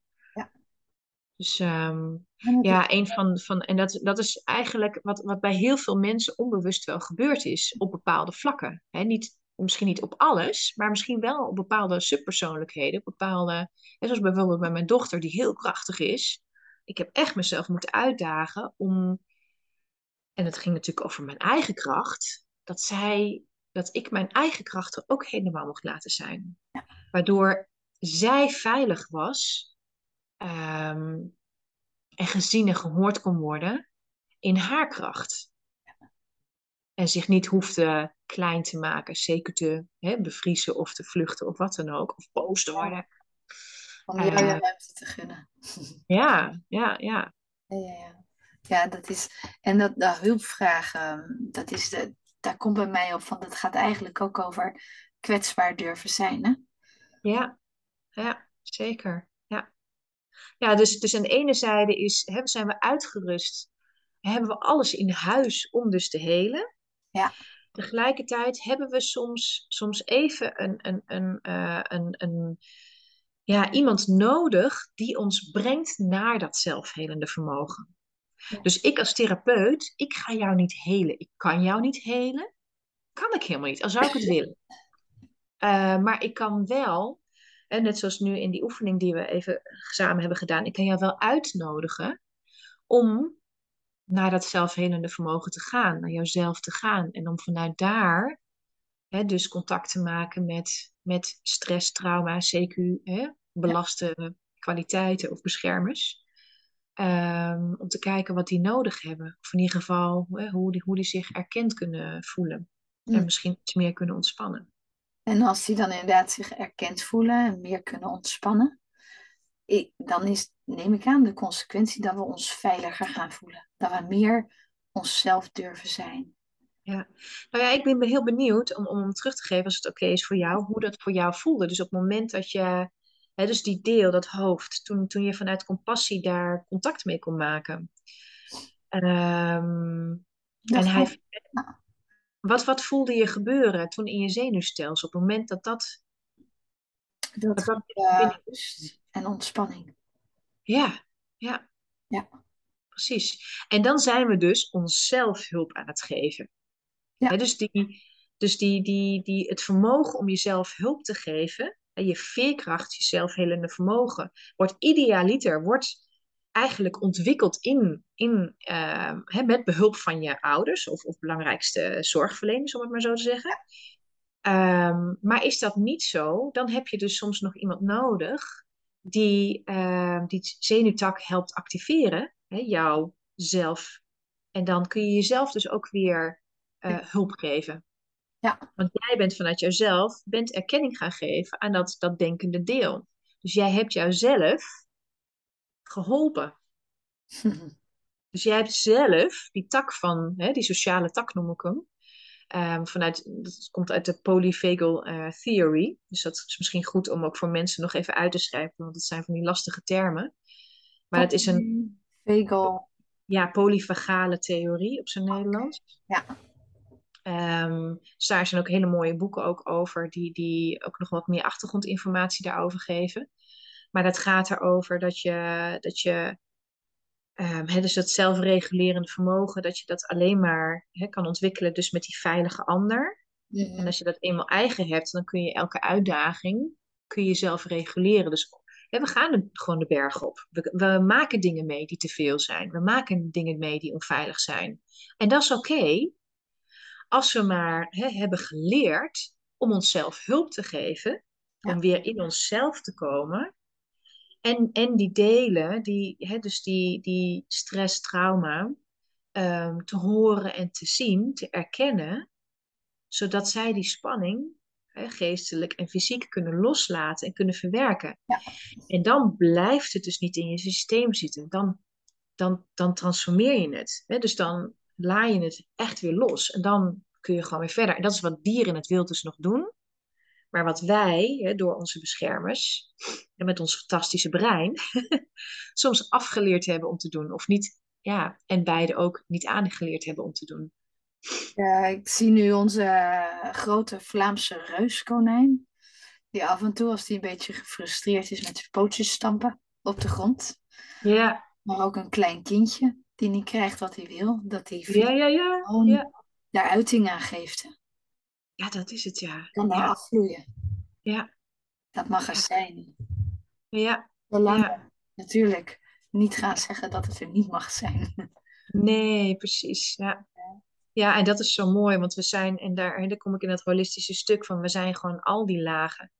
Dus in, als ik ook zie van ja, wat, wat is dan het meest effectief en wat me- brengt iemand het snelst hè, naar heling of tot helemaal tot, tot in de kern van, van wie die is, dan moet je al die lagen moet je meenemen, want anders blijft het toch ergens in die ontwikkeling, blijft het dus stagneren. Ja. Ja, en ook, want je zei het helemaal aan het begin van het gesprek, ehm, het fysieke, was het? Het emotionele, het mentale en spirituele. Ja, Zijn dat, Ja. dat, dat zijn ook, want je hebt die, het schema hè, met de verschillende lagen. Dat zijn denk ik verschillende velden, hè, waarin het ook ja, ja. En het zijn eigenlijk, je zou kunnen zeggen, ja, onze, onze basisbehoeftes. Ja, je hebt je fysieke basisbehoeftes naar veiligheid. Het gaat over drinken, het gaat over eten, het gaat over warmte, het gaat over aangeraakt worden. Eh, maar het gaat over, over, ook over je spirituele basisbehoeften. En dat, dat, dat gaat meer over eh, een stuk zingeving, graag willen bijdragen, eh, graag vanuit je kern willen leven, hè, hoe je het ook maar zegt. En tegelijkertijd heb je ook je eh, emotionele basisbehoeften. En dat is ja, gewoon, gewoon gelukkig willen zijn. ja, Gewoon ontspannen kunnen zijn. En hè, zo, zo heb je, heeft elke laag ehm, de sociale basisbehoeften, verbonden willen zijn met andere mensen. We zijn sociale wezens. Ehm, ja, dus dat is ook, zo, ook zoiets. En wat natuurlijk ook afgelopen jaren echt heel uitdagend is geweest, ook met die lockdowns en zo natuurlijk weer. Dus soms, soms gaat het niet eens over wat je in je ontwikkeling hebt meegemaakt, maar het kan ook best zijn dat nu, nu er zoveel gebeurt in de wereld, deze basisbehoeftes, dat er zoveel onveiligheid ontstaat, ja, omdat er gewoon niet aan gemoed wordt gekomen, dat dat maakt dat er dus eh, letterlijk stress en trauma, CQ, hè, beschermende delen eh, ehm, zijn, die maken dat er allemaal klachten ineens ontstaan. ja. Die, eh, die gaan, in, eh, die gaan eh, hard aan het werk dan. Op, op, op de manier waarop dat bij dat deel past natuurlijk. Precies, Ja. ja. Ja. Ehm, Hester, waar kunnen de mensen jou vinden? Want jij verwees net nog eventjes naar, ehm, wat is het, de stressbarometer op jouw Ja, website? Of de ja. stressmeter? stressmeter, ja. Waar kunnen ze jou vinden? Ja, ze kunnen ehm, eh, mij vinden op www.hesterappelman.nl. Ja, Daar kunnen ze eh, informatie vinden over, in ieder geval over de PSOAS, hoe dat werkt. Dat heb ik al ja, opgezet. Ze kunnen de, de stressmeter delen. En ehm, hè, dus de informatie ten aanzien van, van hoe dat werkt met de IFS. Dat, is, ehm, dat ben ik nog aan het integreren op de site. Ja, Internal Family Systems. Ja, Dus dat ben ik nog aan het integreren op de site. Dus ik ben ook een, eh, een aantal blogs daar nog over aan het schrijven. Dus als mensen dat interessant vinden, dan ehm, hè, kunnen ze zich eventueel abonneren op de nieuwsbrief. Of ze kunnen me volgen bijvoorbeeld op Instagram of op Facebook. En dan kan ik ze op die manier hè, wat, eh, wat meer informatie nog daarover geven. ja, ja, Ze ja. mogen natuurlijk altijd vrijblijvend bellen of mailen als er ja. vragen zijn. Mijn gevoel is dat jij niet alleen mensen begeleidt bij hun heling, maar dat er ook in jou wel een drive zit om ook mensen een beetje mee te geven hoe het in elkaar steekt. Hè? Als een soort Ja, ja, teacher, zou ik het willen zeggen. ja, ja. Ik heb echt een, eh, een deel in mij. Oh De ja. teacher, de teacher, ja. Die is, die is, ah, die vindt het fascinerend. Die vindt het zo gaaf om te beseffen van hoe gaaf wij in elkaar zitten. En wat wij dus als potentie in huis hebben. Ehm, eh, ja, hoe mooi dat is. En, en ook, ook om dat dus te delen met mensen. En waarom? En dat, dat vond ik wel mooi in het voorgesprek. En dat vind ik, ben ik blij dat dat hij nu toch weer terugkomt, want hij was nog niet gekomen. Maar, ehm, om, want ik merk namelijk als ik er stukjes over vertel, ook aan cliënten, en ze gaan beseffen van, oké, ik doe dit, deze klachten, of wat er dan ook maar is. Dit ontstaat vanuit een bepaalde reden. Dus er is niks mis met mij. Um, dus schuldvraag valt dan weg en er ontstaat hoop. Er komt hoop voor terug. En dat, dat is iets waarvan ik denk van, oh, als ik naar onze politiek kijk en er wordt vaak vanuit zo'n negatief mensbeeld worden we aangestuurd en gecontroleerd en van, hè, alsof, alsof wij uh, een soort van verloren, weet je, er is iets mis met ons. Van, uh, wij moeten aangestuurd worden van buitenaf, want anders komt het niet goed met de mensheid. En ik denk van nee, dat is niet wie wij in, in, in essentie zijn. In essentie hebben we zoveel te geven. Ja. Niet alleen voor onszelf, maar ook voor, voor mensen om ons heen, voor de aarde, voor alles. Um, en dat vind ik heel hoopvol. En ik denk dat dat ja, een geluid is wat, wat wel heel belangrijk is, juist in deze tijd, wat, wat ons kan verbinden en wat ons sterk kan maken en waarin we elkaar ook weer kunnen gaan vinden in plaats van alleen maar hè, gaan vingerwijzen van jij, jij, jij, jij. Mm -hmm. Ja.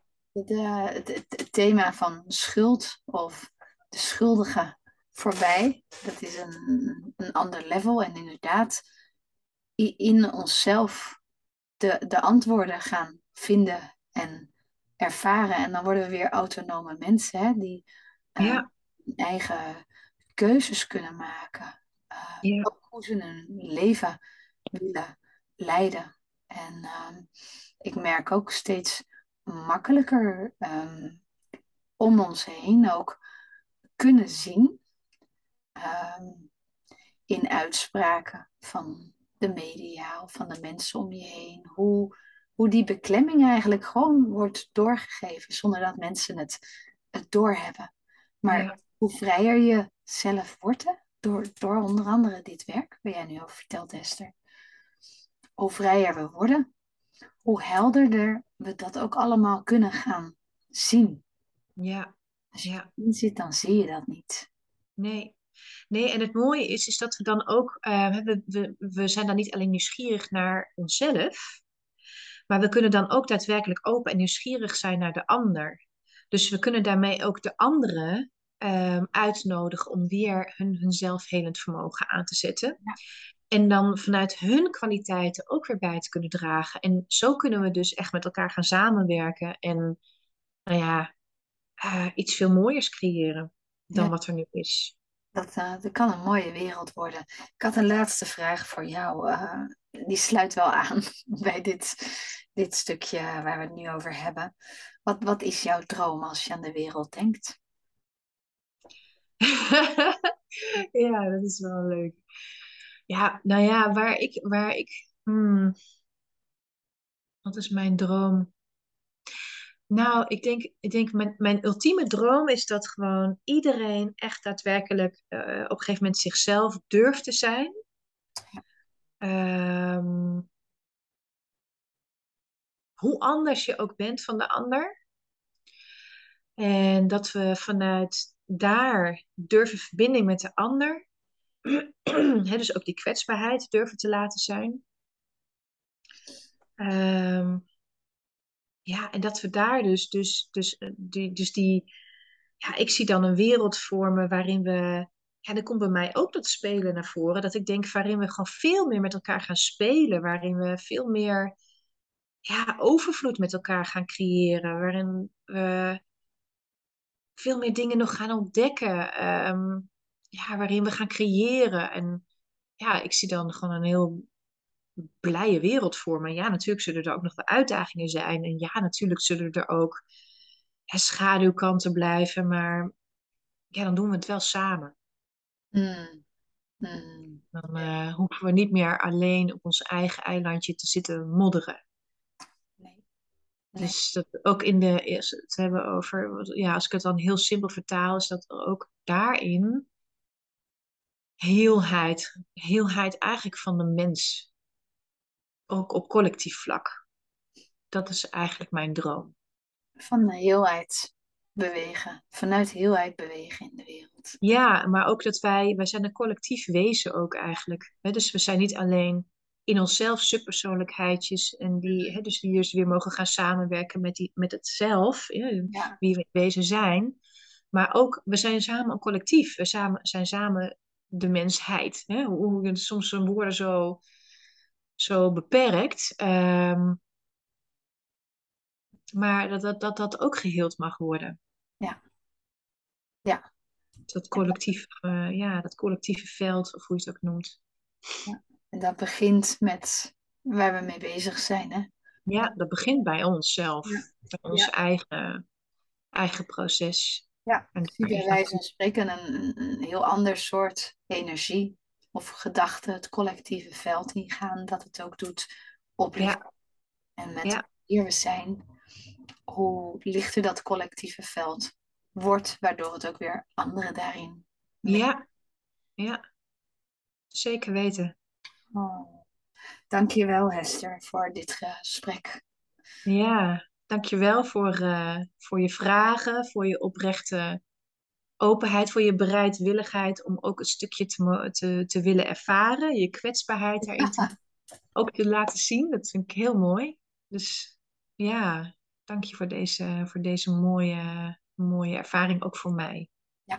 Ja. Ja, en voor wie luistert wil je dus wat meer weten of bekijken van wat Hester uh, met ons heeft te delen. Dat kan op www.hesterappelman.nl. Klopt dat?